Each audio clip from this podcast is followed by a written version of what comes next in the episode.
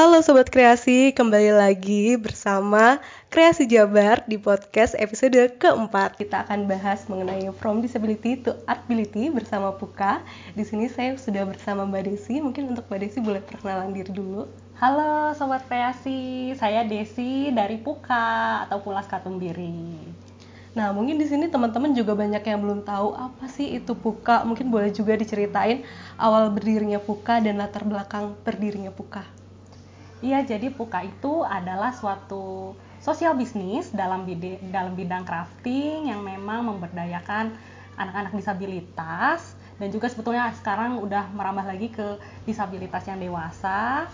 Iya, jadi Puka itu adalah sosial bisnis dalam bidang crafting yang memberdayakan eh, anak-anak disabilitas dan juga disabilitas dewasa gitu. Jadi memang eh, tagline-nya sendiri adalah from disability to art ability.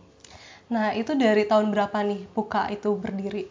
Puka itu mulainya itu dari tahun 2015. Jadi ini udah tahun ketujuh Puka berdiri uh, dan awal mulanya itu ini dari hobi gitu. From hobi to passion, dari passion gitu menjadi uh, bisnis gitu. Awalnya kenapa berpikiran untuk uh, memperdayakan anak disabilitas gitu?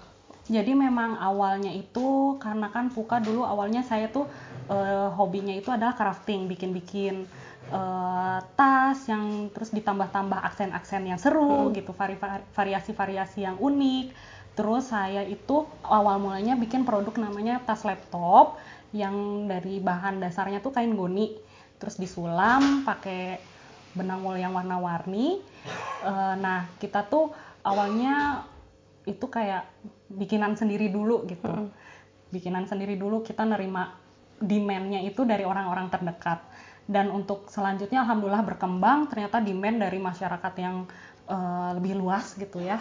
Itu akhirnya kami kekurangan apa ya tenaga untuk membuat tas. Akhirnya saya coba awalnya tuh ke SMK dulu. Mm -hmm. Saya apply ke SMK tapi ternyata kurang cocok kita ininya apa namanya kerjasamanya karena mereka ternyata lebih sibuk gitu kegiatannya hmm. ada akademik sama non akademiknya gitu terus akhirnya saya coba cari lagi kira-kira apa nih lembaga mana yang bisa diajak kerjasama hmm. dapatlah ternyata SLB yang cocok karena di SLB itu ada kegiatan akademik sama non akademik yang memang persentasenya itu uh, jauh sekali yang akademik itu 70% dan yang non akademik ada 30%.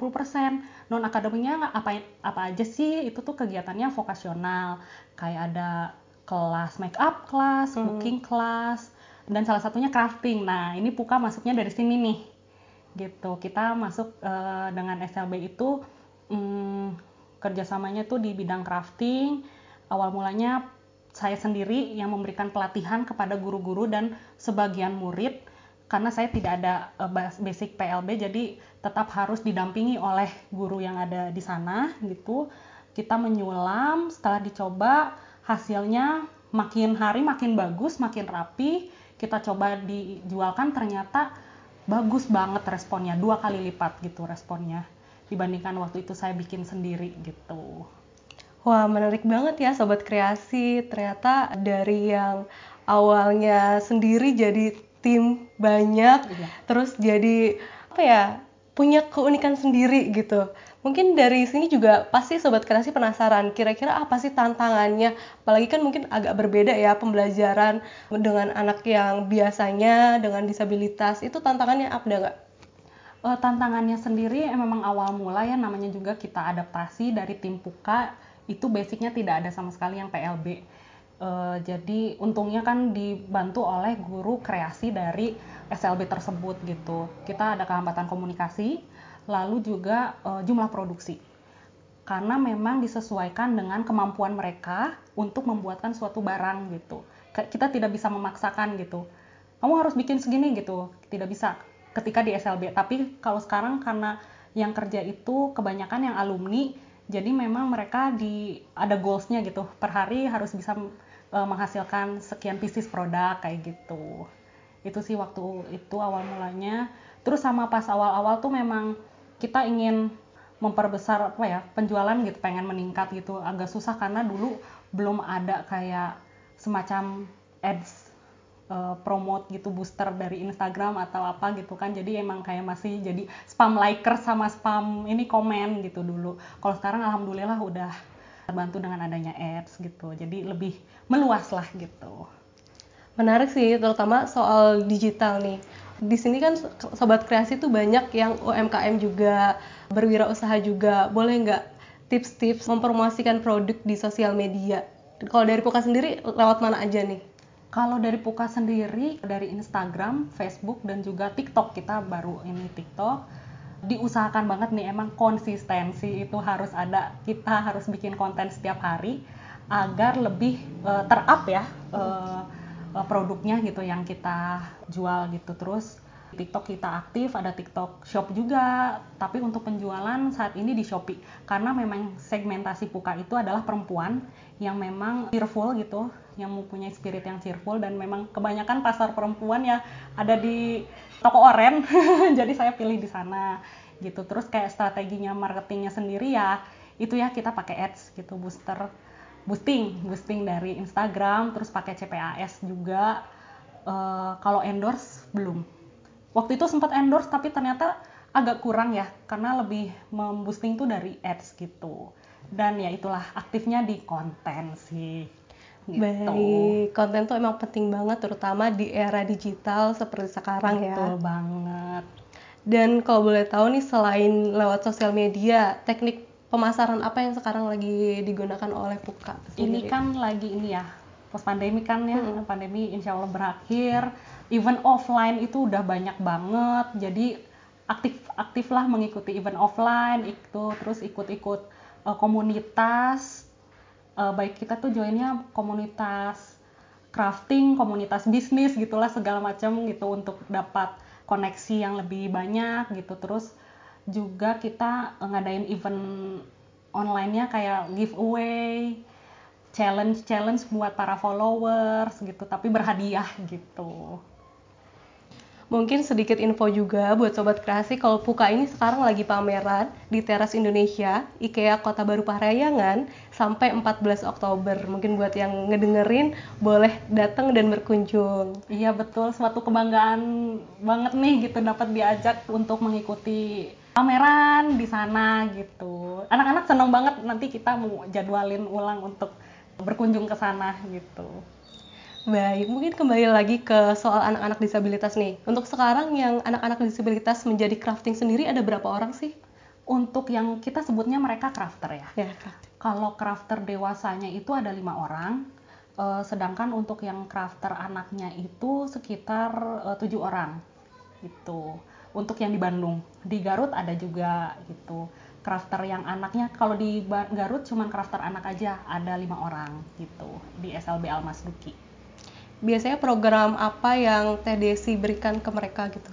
Uh, programnya selain kita berkreasi kita uh, latihan kreasi kreasi-kreasi yang uh, kekinian kan sekarang lagi ramai makram nih selain itu kita ada program happy happynya juga sebetulnya setiap uh, sebulan sekali misalnya kita eh, jalan-jalan ke mana gitu kan. Kemarin kita jalan-jalan ya dalam acara anniversary Puka gitu biar bisa nge-refresh mereka gitu biar nggak selalu di sini gitu.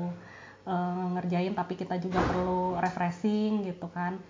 Terus sama anak-anak tuh apalagi ya selain refreshing kita refreshing ini happy happy tapi kita juga sekalian ada belajar misalnya kita ke museum apa gitu kita belajar sejarahnya atau misalnya kita ke yang sesama oh, kan kemarin baru kolaborasi sama Tab Space namanya kita kerjasama di sana terus kita lihat karya-karya teman-teman disabilitas lainnya di bidang seni lukis gitu seru banget ya biasanya kalau misalnya abis refreshing tuh biasanya timbul ide-ide baru betul banget nah kalau ide-ide Puka sendiri tuh biasanya dari mana sih tadi sih inspirasinya banyak banget ya kalau sumber inspirasi sekarang kan eranya digital jadi kita cari pastinya di Pinterest, di Instagram gitu.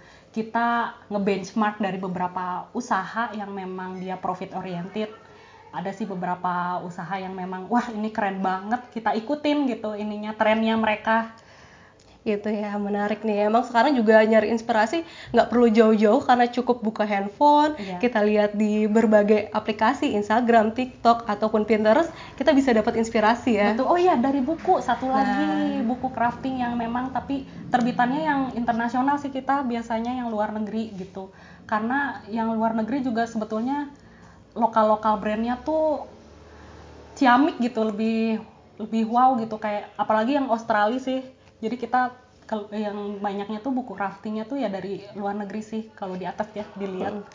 Mungkin bisa dikasih info juga nggak nih? Kira-kira kalau buat nyari buku yang kayak gitu susah apa enggak sih? Dan biasanya beli di mana?